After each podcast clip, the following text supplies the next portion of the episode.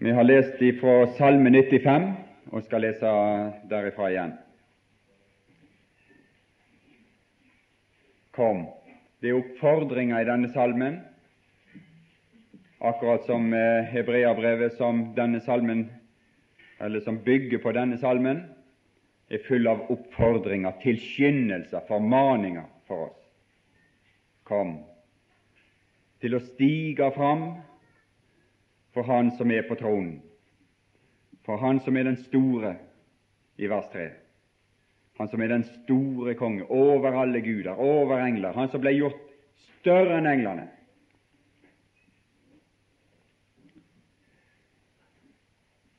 Og Når du går inn i Hebreabrevet og leser alle henvisninger til salmene der, så ser du at det som i salmene er kalt for guder, det er i Hebreabrevet kalt for engler. Det skjedde et omskifte i og med når Han hadde gjort renselse for våre synder. Så satte Han seg, så gjorde Han noe som ingen andre hadde gjort, og som ingen andre kunne gjøre, men Han satte seg ved majestetens høyre hånd i himlene og er blitt så meget større enn alle guder eller alle engler. Det kan du jo undersøke med alle de henvisningene, kapittel 1 osv. Full av henvisninger til salmene i Hebreabrevet 1. Og der ser du at, og i 2 og, og videre utover også, der kan du se at, som sagt, at begrepet guder i salmene er skifta ut med engler. Så det skjedde et omskifte. Det taler om en omskiftelse i stand og stilling. Det taler om at den kommende verden, som ikke er lagt under engler, står det i 2.5 i Hebreabrevet 2.5. Den kommende verden som Gud ikke har lagt under engler, slik som han har gjort med den nåværende verden, som er styrt av denne verdens fyrste, som er en engel, som heter Satan, som er underlagt denne verdens Gud etter Guds forordning, det var Gud som gjorde det. Det var Gud som la den nærværende, den synlige, denne verden som er i her nå, det var Gud som la den under engler. Og englers makt og styre og innflytelse. Men den kommende verden, den kommende verden, er ikke lagt under engler.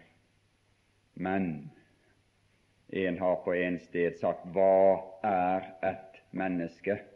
Den er lagt under mennesker med høvdingen, med livsens høvding, med frelsens høvding, med troens høvding, med troens opphavsmann og fullender i spissen, har Gud lagt den kommende verden under mennesker. Ja, hva er et menneske? Ja, Det er mange som forsøker å forklare det. Hva vil du svare hvis de spurte deg? Hvis de spurte deg på arbeid eller på skolen kan du definere et menneske? Definere begrepet menneske. Ja, Skriften har fortalt oss hva et menneske. Det er det nivået av skapning som Gud valgte å forene seg med i sin sønn. Det er et menneske. Når han gikk forbi englene som var større i makt og herlighet og mynde, som han hadde sagt. Han gikk forbi dem og gjorde han lite ringere, på nivået under englene. Han gjorde han ikke til et dyr, eller til, til, til blomster, eller til gras, eller til, til noe av all mylder av skapning som er. Men han gjorde det på nivå under englene, et lite ringere enn englene. Når han gikk inn, og så ble han menneske, Jesus Kristus. Det er et menneske. Hva er et menneske? Og så har han oppe, satt han på tronen.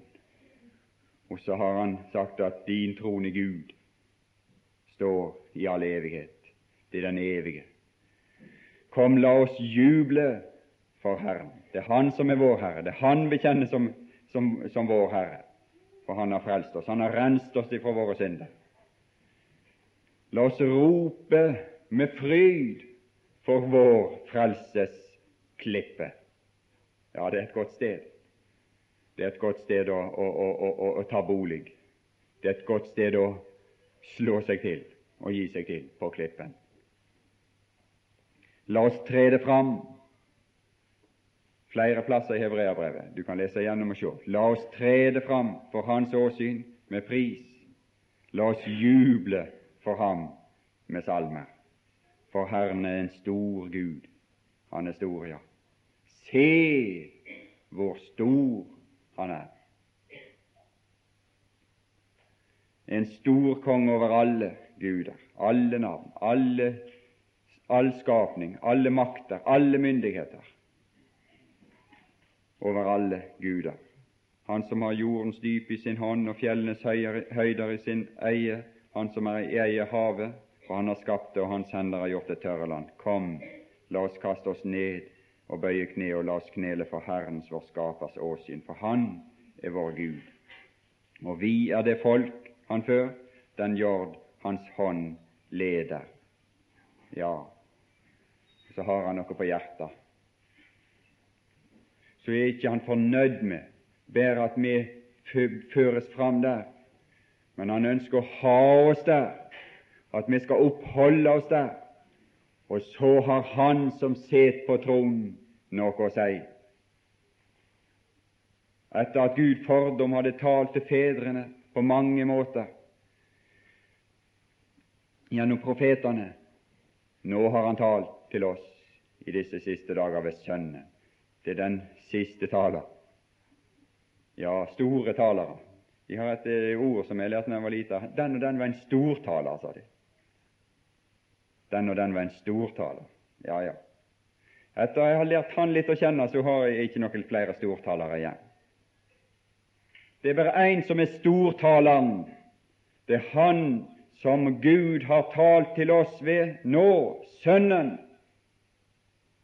Still Han inn ved siden av alle. Du må stille opp den rette målestokk når du skal begynne å snakke om stor og liten. For i den rette målestokken kan du se, kan du begynne å sammenligne, sammenligne eh, talere med Han. Det er det som er vårt problem, det er det at vi ser ikke rette målestokken. Vi må føres inn i den rette målestokk, inn i, i, i, det rett, i det rette mål. Der anerkjennes ingen andre i Skriften enn Han som stor.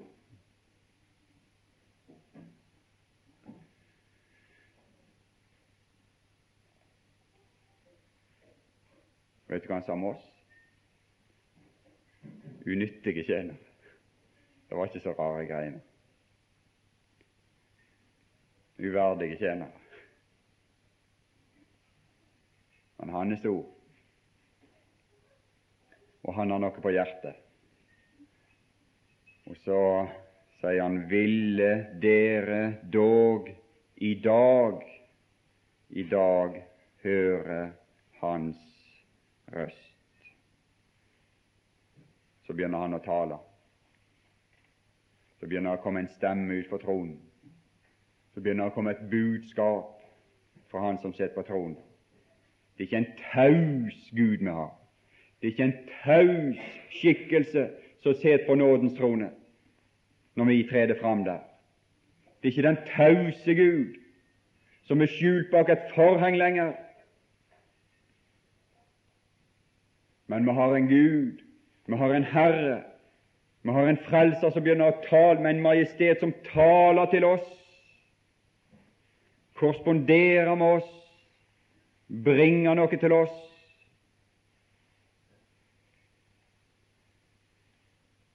Det fastsettes i Hebreabrevet 4, så står det i vers 7, som på sett og vis avslutter utleggelsen av denne salmen i første omgang så fastsetter han atter en dag, i dag, i det Gud sier ved David så lang tid etter, således som før er sagt, i dag, om dere hører Hans røst, da forherd ikke deres hjerter. Så dras det en konklusjon, for hadde Josva ført dem til hvile, da hadde han ikke deretter talt om en annen dag. Altså, altså det er en oppsummering, det er en konklusjon av Salme 95. Det dras en slutning, altså står det en sabbatshelg tilbake for Guds folk. Sabbat, hvile, for den som er kommet inn til hans hvile. Han har òg fått hvile fra sine gjerninger, like som Gud fra sine. Det er en hvile han lover. Det er en, hans ord ifra tronen taler og jeg har et løfte om en hvile i det fullkomne, i det fullendte. Og det fullkomne og det fullendte, det er alltid knytta til den kommende verden, det som nå for vårt naturlige øye er usynlig. Den usynlige, evige verden. Men om den verden er usynlig, så er han ikke utilgjengelig for oss her og nå. Han er utilgjengelig for vårt øye, men han er ikke utilgjengelig for oss likevel. Men den er tilgjengelig for oss ved tro. Veien inn til helligdommen var stengt, var utilgjengelig, men den er blitt oss tilgjengelig i og med Han som gjorde renselse for våre synder, og gikk inn der og satte seg på majestetens høyre trone i himlene. Ved Hans kjød så er denne Guds trone blitt tilgjengelig for oss. Ved tro Og det er der Han innbyr oss. Det er der Han innbyr meg og deg til å lytte til Hans røst, Hans tale, uansett Han har ikke spurt etter kvalifikasjoner utover ditt øre. Han har ikke spurt etter andre ting enn ditt øre og din tro. Han har ikke spurt etter dine egenskaper for øvrig, din natur, dine drifter, dine lyster, dine tilbøyeligheter, for så vidt dine fall eller dine nederlag eller din situasjon eller din følelse eller hva som helst. Det er, det, det er ikke det, Gud er interessert i og for seg. Han er interessert i det òg, på sett og vis. Og han er interessert i å komme inn i ditt liv med en innflytelse så slik, slike ting også kan forandre seg for deg. I hvert fall i, i, i, i det praktiske utøvelse av ditt liv. Men i utgangspunktet er det ikke det han er interessert i. Han er bare ber deg komme og være der. Det er det som er tro. Og det er der vi vil være uansett. Og det er der vi vil holde fast på at når du, Herre, har sagt at du gjenføder den som kommer til Gud ved deg, når du har sagt at du vil føre oss fram og helt fram og inn til deg, så vil vi tro det uansett. Jeg regner med at du kjenner meg bedre enn jeg kjenner meg sjøl, og jeg regner med at du, når du har sagt at du kan frelse meg, så kan du det. Du holdt vel ikke Gud for en løgner? Når Gud har sagt at Han kan frelse deg, og det har Han sagt i sitt ord, så er Han i stand til å gjøre det. Og Hvis ikke du tror Han er i stand til å gjøre det, så akter du på Gud som en løgner. Det er det som er problemet. Les i, i siste kapittel i første Johannes brev. Folk kalte Gud for en løgner.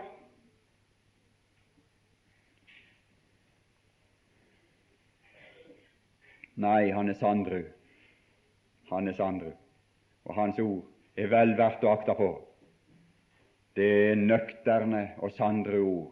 Og han har vist oss Vi har en fordel framfor de gamle i Det gamle testamentet at han har vist oss at han er i stand til å ta seg av alle typer personer, høy og lav, snille og, og, og kjekke og greie av naturen, og de som er umulige av naturen.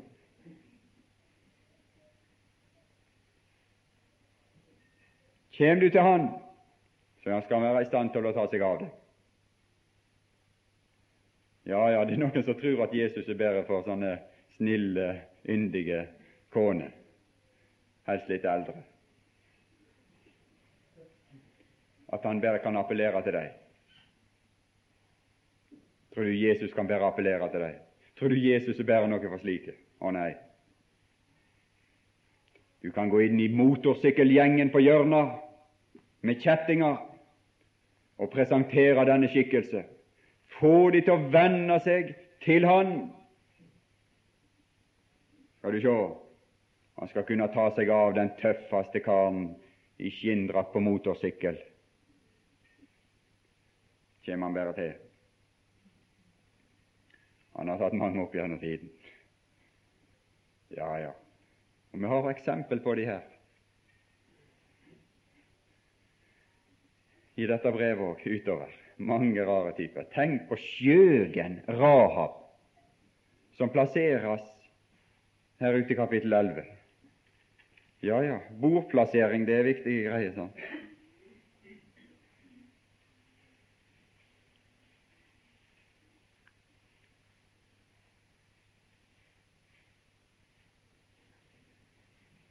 Så midt imellom Moses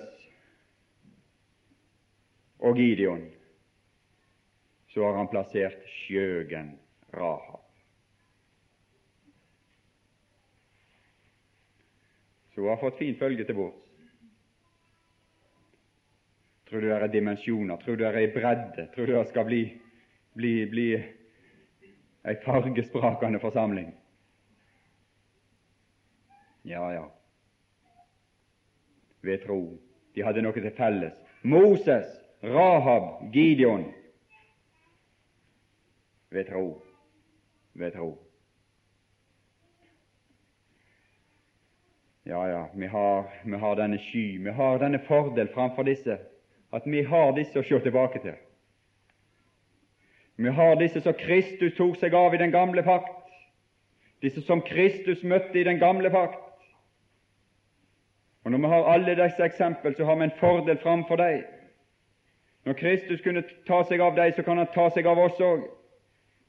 Du kan vel finne noe igjen i din situasjon. Hebreabrevet 11 dekker alle tenkelige situasjoner og typer. Og du kan vel finne noe igjen der som passer for deg. Og da har du et vitne. Og den Kristus som tok seg av deg, han er i går og i dag den samme, ja, til evig tid. Og på samme måten som han kunne ta seg av deg og møtte deg og førte deg, slik er han også i dag. Det er han de hadde med å gjøre. Det er han folket hadde med å gjøre i, i, i ørkenen. Les 1. Korinterbrev 10. Det er Kristus de hadde med å gjøre der klippen som fulgte dem, var Kristus. La oss ikke friste Kristus like som de gjorde. De friste, det var Kristus de frista der ute i ørkenen.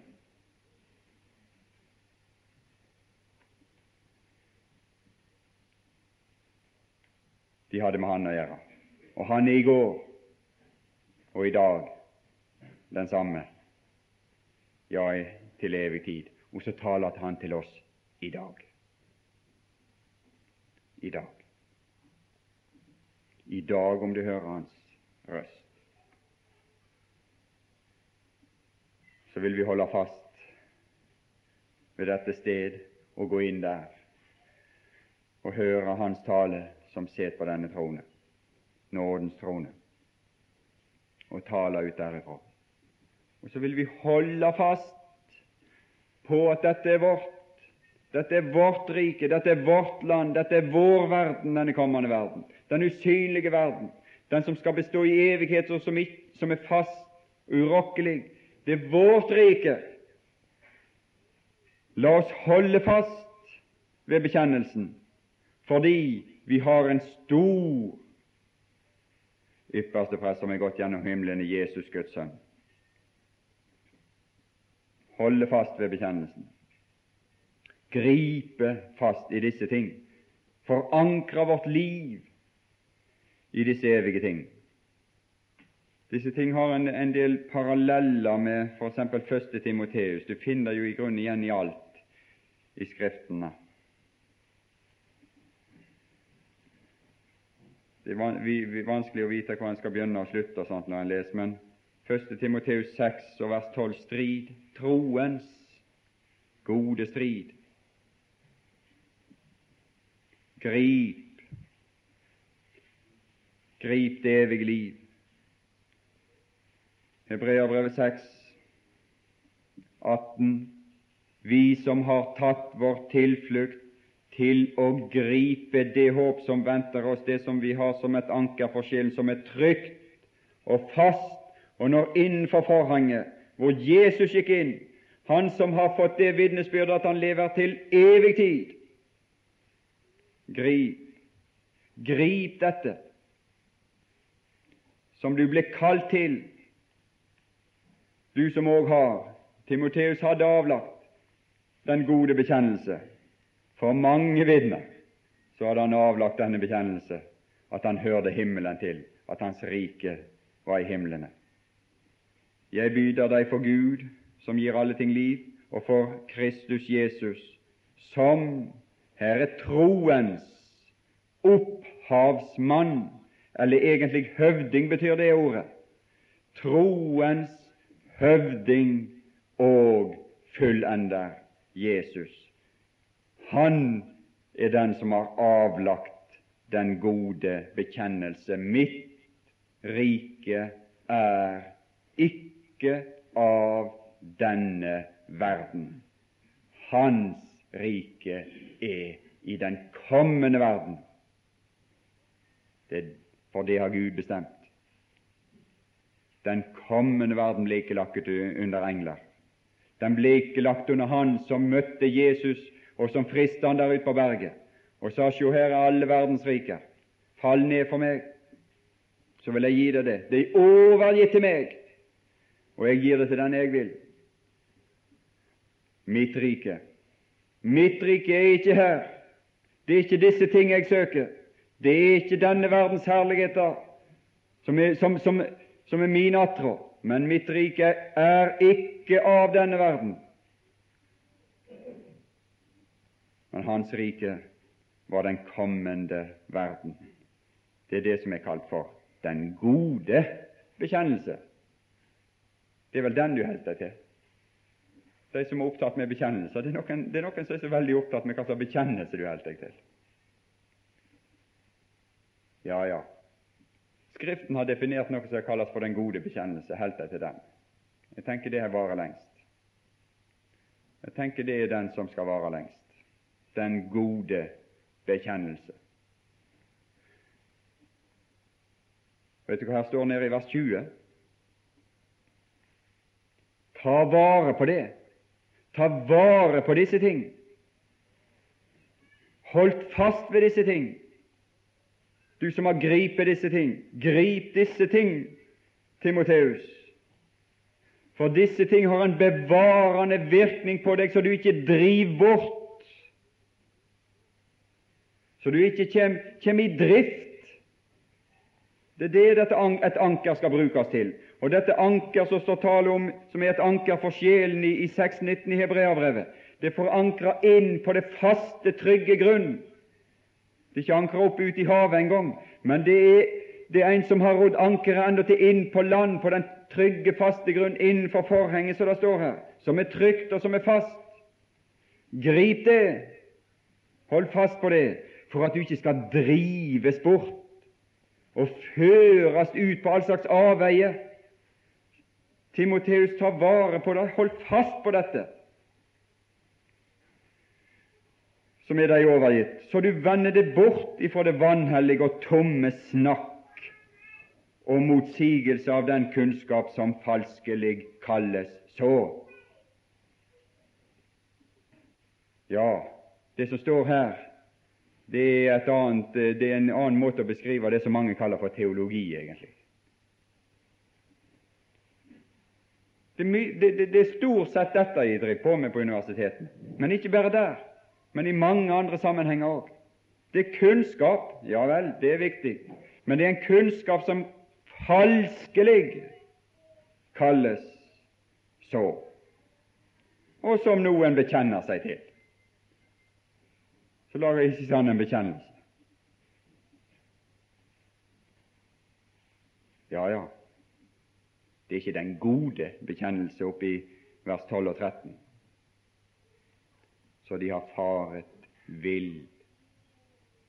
Det er det som er faren. Når du slipper det evige liv, når du slipper den forankring inn i den himmelske verden, og Han som set kront med herlighet, ære, med, med, med herlighet og ære set på tronen og, taler Hvis du snur deg bort ifra dette og avviser dette, så kommer du i drift, farer vill i troen. Men det er dette som kan bevare deg, at du griper fast i dette, grip det evige, forankre deg i den evige, oppholde deg, tre det fram for nådens trone, så skal du ikke fare vill skal du ikke komme i drift. Nåden, det er det som er, det er, det som er Timoteus sin, sin, sin, redning for å komme i drift og fare vill. Nåden, hvor er den? Hvor finner du denne nåden? Ja, du må gå dit han er.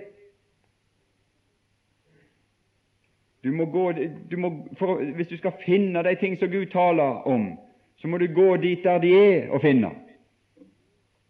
Det er akkurat som når når de snakker om liksom Guds kjærlighet. Hvor er den i verden? Ja, ja, Så går de til all slags land, og så går de til slummen her, og så går de til kriger der, og så går de til bombing der, og så går de til terror her i denne verden. Så spør de hvor er Guds kjærlighet? Du kan ikke gå dit men han har åpenbart sin kjærlighet. Og det er dit du må gå hvis du skal se den. Og da skal du se den. For den er åpenbart på et tre, den. Med en mann som hang på et tre, har han åpenbart sin kjærlighet. Så elsket Gud verden at han ga så alle er elska i denne verden. Det er en veldig kjærlighet. Dette. Den omfatter mye, den. Den er veldig, veldig omfattende. Så elsket Gud verden. Det inkluderer alle som beveger seg på denne jordens overflate.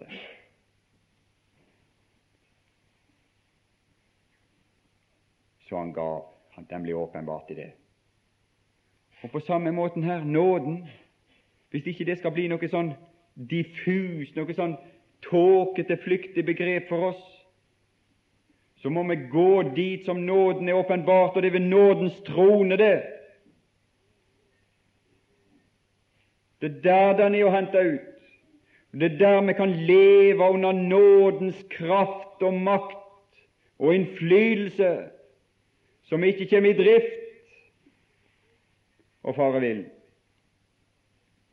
Nåden være med deg, for den, Timoteus, kan hindre deg ifra å bli tatt til fange av alle slags lærer og ville veier. For der er styrke, og der er kraft til å bevare. Det er et, et lite sidesprang ut i Hebreabrevet 13, 9. La dere ikke føre på avveie.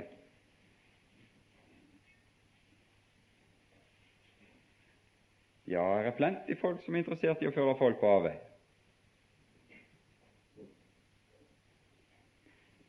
Men la deg ikke føre på avveie ved mange forskjellige og fremmede lærdommer. Hvordan skal du unngå det?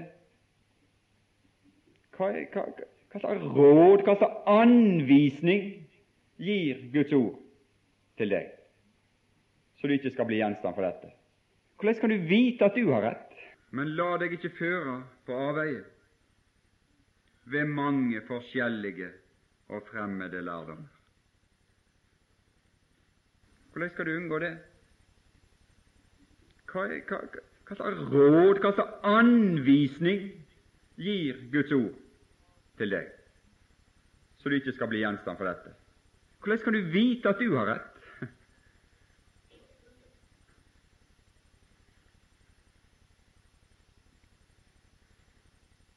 For det er godt, det er det som er godt, at hjertet blir styrket.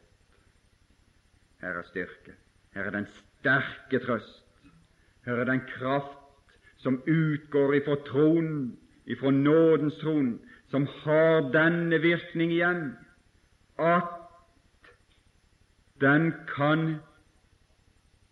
gjøre deg i stand til at du ikke lar deg føre på avveie ved mange forskjellige og fremmede lærdommer, for det er godt at hjertet blir styrket ved nåden. Ved nåden. Men da må du oppholde deg og tre deg inn der, for nådens trone med frimodighet, være der. Det er det som gir styrke, ikke ved mat. Ja, det er så ramlende galt blitt at det er store, svære læresystem som tillegg nåde til å ete mat, et brød. Så galt er det. Ikke ved mat, som ikke har gagnet dem som ga seg av dermed. Mystikk Mystikk. Det er mystikk, dette. Det eksisterer ikke mystikk i Skriften. Så det var kommet ut ei bok nå om Kristusmystikk. Kristusmystikk. Ja, det er ikke fra denne bok. Det er ikke fra Skriftene. Eksisterer ikke mystikk i Skriftene. Gud er nøktern Gud. Her er kun nøkternhet. Her er ikke noe mystisk, eh, sånn eh, okkult verden inni det som har med Gud å gjøre. Det er mennesker som skaper slikt. Og det er mennesker som legger ting inn i det som står her, ikke ved mat.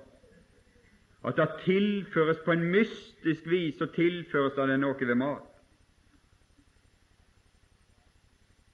Nei, det er ikke veien å gå.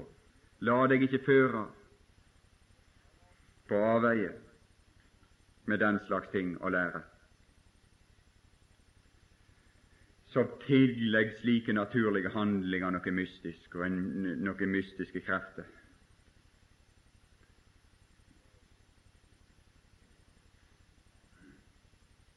Det er ved budskapet.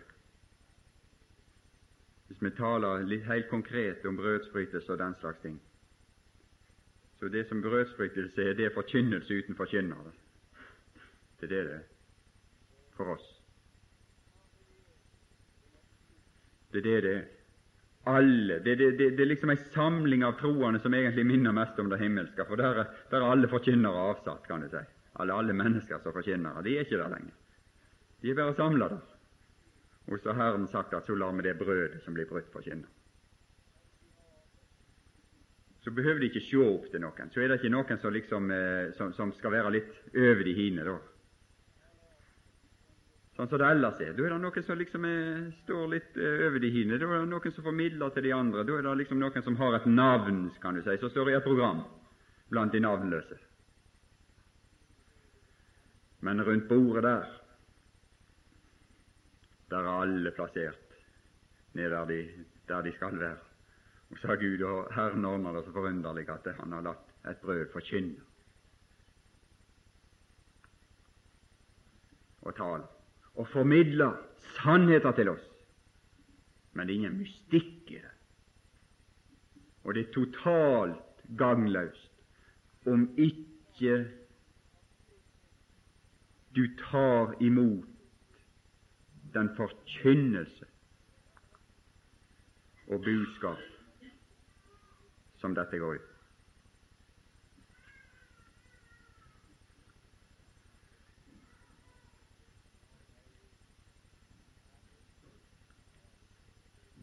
Styrket ved nåden. Styrket ved nåden. Det er der styrke, det er der kraft, og det er der du får den sterke trøst. Mister vi dette taket, mister vi Han som sitter på tronen for øyet, vender oss bort ifra Han, avviser Hans tale, trekker oss unna, så er vi gjenstand for alt mulig av innflytelse og påvirkning og strømmer i denne verden. Alle slags strømmer som går. I Egypten er det sterke strømmer. Oppe i Eufrat og oppe i nord, både nord for landet og sør for landet er det sterke strømmer som ønsker å rive folk med seg. Og da der set en uti, står det, et sjø, et uhyre, taler Esekiel om, som set ut i strømmene for å gripe og ta folk. Et sjøuhyre. Det er ikke i Loch Ness sjøuhyre. Det finnes neppe der. Men her tales i Esekiel om et sjøuhyre. Ja, ja, en grusom som søker kan han opp, kan oppsluke.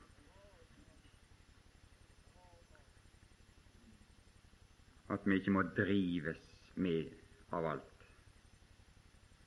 Men han leder oss til hvilen, han leder oss inn i det fullendte, det fullkomne, en hvile, en fasthet i en tilfredsstillelse så, så du er fornøyd i Han, i det fullkomne.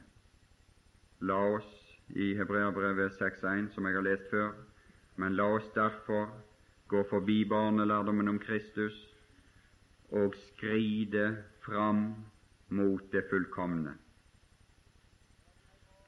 Skride fram mot det fullendte, det fullkomne. Det er dit Han tilskynder oss. Det er dit Han vil føre oss. Dette vil vi gjøre, står det i vers 3. Dette vil vi gjøre. Om Gud gir lov til det. Han hadde ei lita hake der. Jeg tror det refererer egentlig til det som står i Fjerde Mosebok, kapittel 14 og vers 40, når folket ville gå, og når Gud ikke ville gå når de står opp tidlig om morgenen og sa sjå her er vi, etter å ha avvist Herren, etter å ha avvist disse ting, etter å ikke brydd seg, etter, som han sier, å ha forakta Han. Alle de menn som har sett min herlighet, de hadde sett Hans herlighet, og de tegn som jeg har gjort i Egypten og i ørkenen, og som nå har fristet meg ti ganger og ikke hørt på min røst. Det står i vers 22. Det var disse som sier i vers 40, Sjå her er vi, og vi vil dra opp til det stedet som Herren har talt om, for vi har syndet. Men da sa han dra, i vers 42, dra ikke der opp. De forsøkte seg i overmodighet, står det her i vers 44, men de drog i overmodighet, tross, i overmodig tross opp til fjellhøyden og da kom amalekittene og kanaanittene som bodde der på fjellet, ned og slo dem sønder og sammen og forfulgte dem like til havet. Om Gud gir lov til det. Det er umulig. Og her var det de folkene her i vers 4 som hadde sett Hans herlighet, som han sier i 4. Mosebok 14,22 der, og som hadde sett Hans herlighet og alle disse tegnene og var fått opplysning og fått del i disse ting, og likevel avviste han. Ja, at vi ikke, vi ikke må avvise han, i hvert fall ikke når vi har fått kunnskap, i hvert fall ikke når vi har fått opplysning, i hvert fall ikke når vi er kommet inn og kommet i berøring med disse ting, at vi ikke avviser Han. Det tas fram her som en advarsel for oss La oss, la oss, står det i første Korinterbrev 10, la oss ikke friste Kristus like som de. Det har alvorlige konsekvenser å avvise Han som taler ifra himmelen.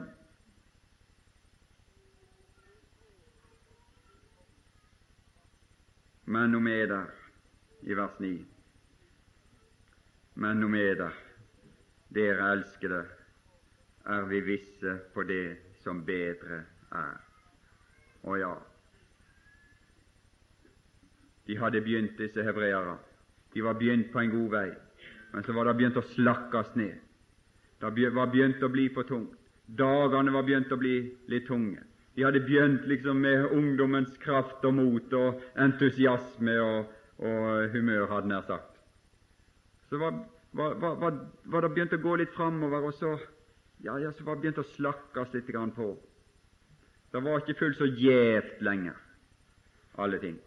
Og så kommer dette inn som en kraft, dette brevet inn, som en kraftig tilskyndelse og oppmuntring til å fortsette på det løp som de hadde begynt.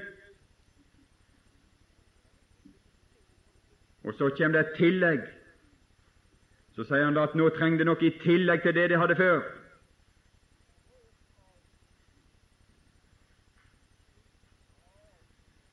Det er det som står ute i kapittel 10.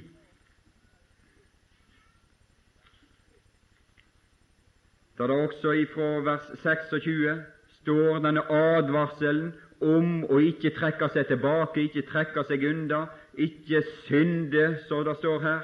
Når vi har hørt og er klar over Hans tale, ikke avvise den tale, ikke bli forherda som de ved syndens svik, og trekke oss unna, denne tale.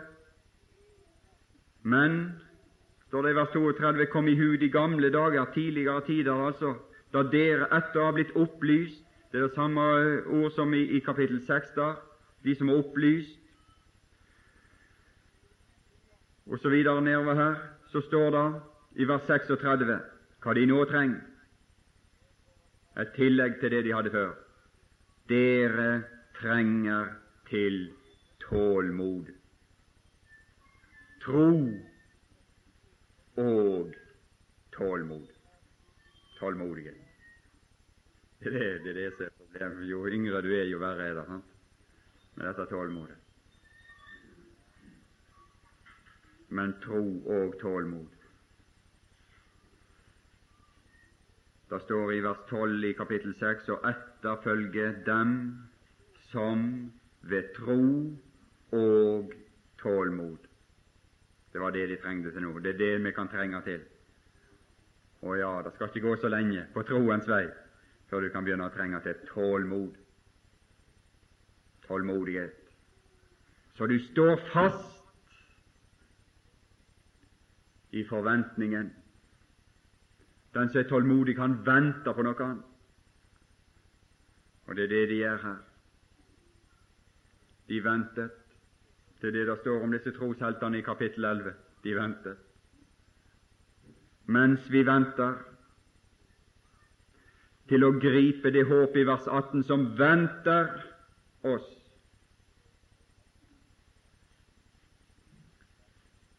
Ja, at det må komme inn i våre liv. Tro og tålmod. Tålmodighet.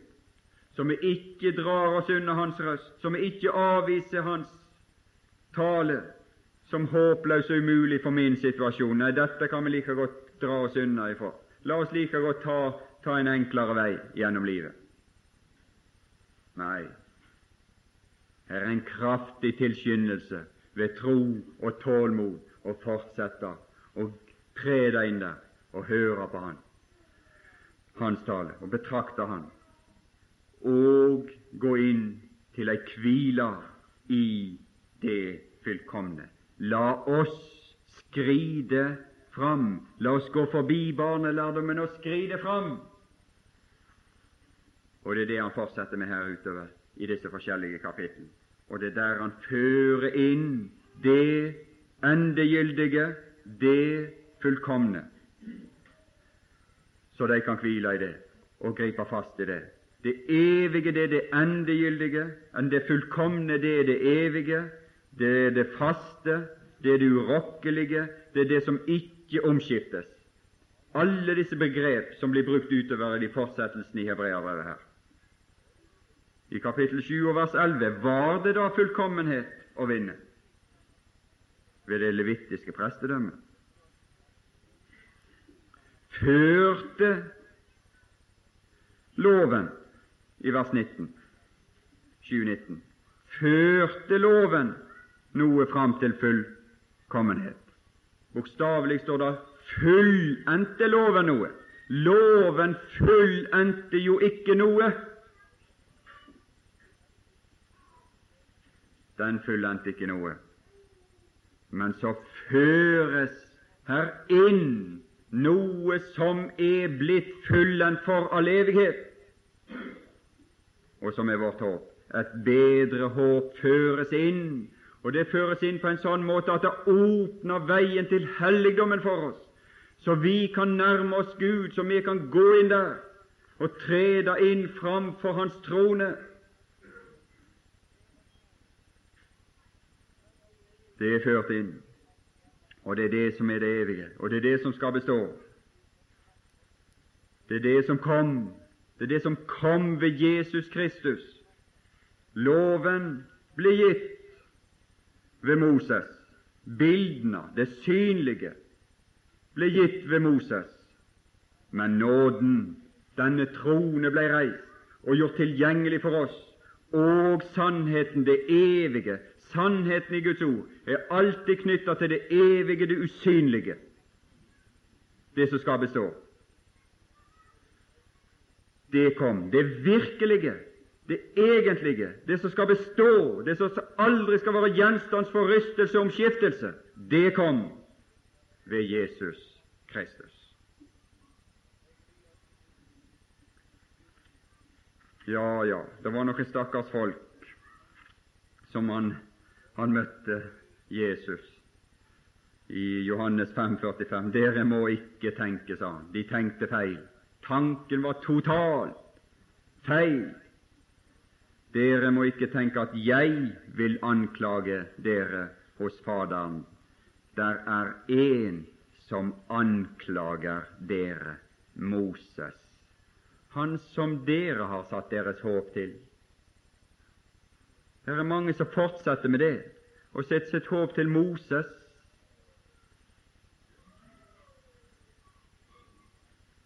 Nei, det er ikke noe håp som fullender noe, det. Moses fullender ingenting. Han vendes tvert imot til en anklager, sier Jesus.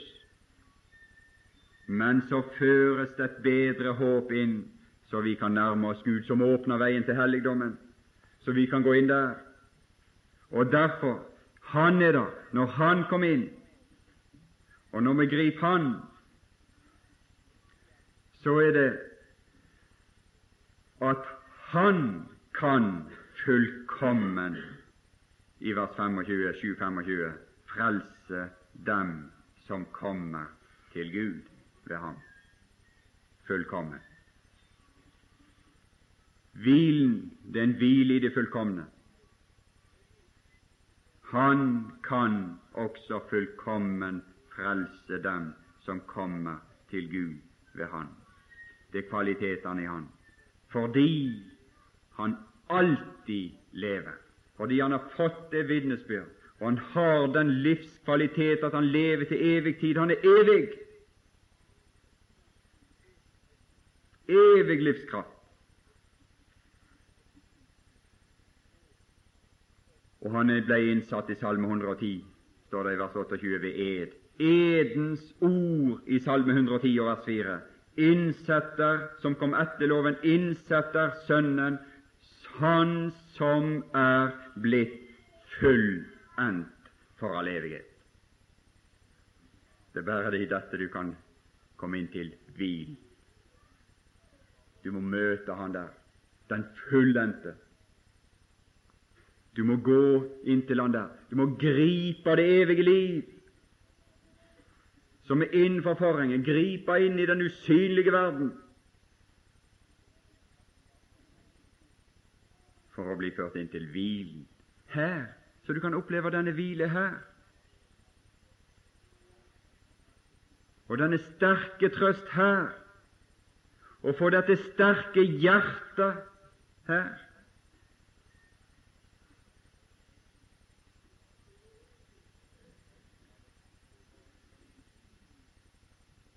Ja, kapittel 9. Og vers 9 står det om bilder og gaver og slaktoffer, og i vers 10 står det som dog ikke makter å gjøre dem fullkommen etter samvittigheten som kjenner Gud. Som ikke makter å fullende den, står det egentlig. Det fører ikke noe fram til fullendelse, til fullkommenhet. Men men da Kristus kom Kristus føres inn for å løse dette problemet. Men da Kristus kom, så gikk han inn gjennom det fullkomnere, gjennom det fullendte, gjennom det som skal bli, og der fant han det som skal bli. Han fant nemlig den evige forløsning i vers 12. Det som skal bli, det som er bestående, det som er fullendt, det som er fullkommen. Og det er Han som kan rense din samvittighet fra døde gjerninger til å tjene den levende Gud. Så du kan stå der og gå inn der renset på samvittigheten. En god samvittighet. Ja, ja. En, en god samvittighet, den oppnås i møte med Han som fant den fullkomne, den evige, den endegyldige frelse.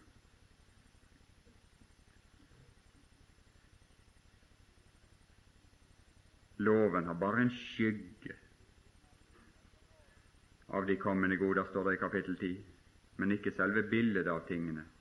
Og den kan aldri ved de offer som hvert år på ny bæres frem, gjøre dem fullkomne, eller egentlig igjen fullende dem som kommer frem med dem. Men han, han i vers 14, han har for all tid fullendt dem som blir hellige. Det er jo bokstavelig oversatt. Det er en sånn privat oversettelse som jeg har gjort meg. For med ett offer har Han for alltid gjort dem fullkomne som blir hellige. Det er dette er å skride fram imot det fullkomne, imot det fullendte, og gripe disse ting, oppholde seg i disse ting, La han tale om disse ting, se disse ting, tilegne seg disse ting. At det ikke bare blir ord som vi liksom står opp og sier og vitner, men at det blir noe som går inn i oss, og da må vi oppholde oss der hvis det skal gå inn i oss. Ellers bare farer det forbi som en vind, som vi bare raser gjennom det og leser gjennom det, men vi må oppholde oss der og være der i sinn og tanke og gå inn i denne verden for at disse ting skal gå inn og gjøre sin virkning i våre sjeler som med våre sjeler kan eie den sterke trøst. Ja, alle disse gamle som er eksempel for oss i kapittel 11. De skulle ikke nå, står det i vers 40, fullendelsen uten oss. De så fram, de stunda etter disse ting. De så fram imot Kristi dag, og de stunda etter disse ting står det her. Han ventet i vers 10, Abraham ventet i vers 10 på den stad som har de faste grunnvoller, og som Gud er byggmester og skaper til. Og i vers 16 står det at de stunder etter et bedre fedreland. Det er et himmelsk. Derfor skammer Gud seg ikke ved dem. Det er derfor ikke fordi at de var så prektige personer, men fordi at de trodde på Han, og de trodde på Hans ord, og de ga vakt på Hans tale, og de ga vakt på Hans løfte. og de ga vakt på hans utvelgelse. De ga vakt på, de, på, på disse ting som han hadde talt. Derfor skammer Gud seg ikke ved dem ved å kalles deres Gud, han har, for han har gjort en stad ferdig til dem. Men de nådde ikke i vers 40 fullendelsen uten oss, men nå er det fullendt. Nå er det fullendt. Derfor, fordi det forholder seg slik at nå er det fullendt, la oss, for, la oss med tålmodighet løpe i den kamp, i denne, denne framskridelse, i, i dette løp. La oss skride fram sammen med apostelen her, sammen med han som vitner her, som er oss foresatt, gjennom de forskjellige ting. Og her står det ting som har endatil med hudflettelse å gjøre. Ja. Det, så det, det, det, det, er ikke spøk på den måten. Å, men en rike frukt!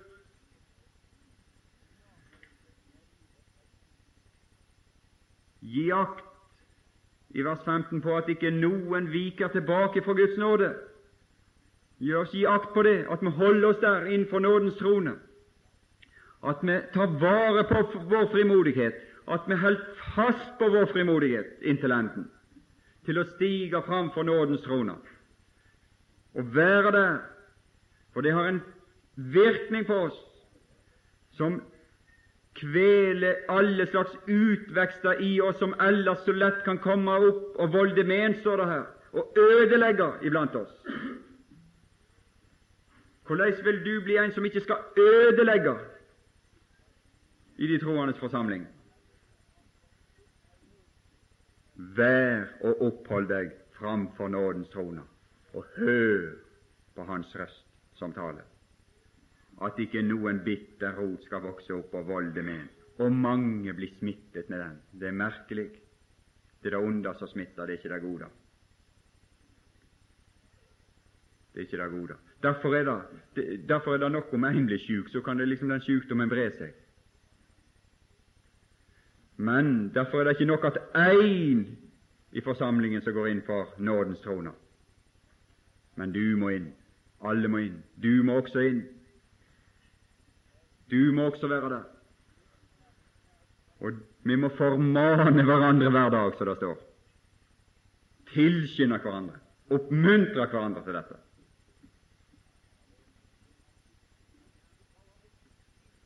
Ja, ja, vi er kommet til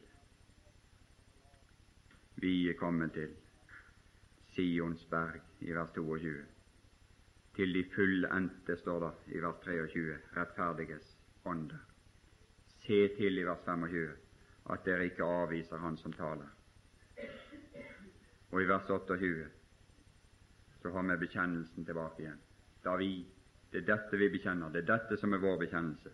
Derfor, da vi får et rike som ikke kan rystes, som er evig, som er fast, som ikke skal være gjenstand for omskiftelse, som ikke skal gjøres med som alle disse synlige ting, som skal rulles sammen som et foreldrekledd plagg og kastes bort. Men da vi får et rike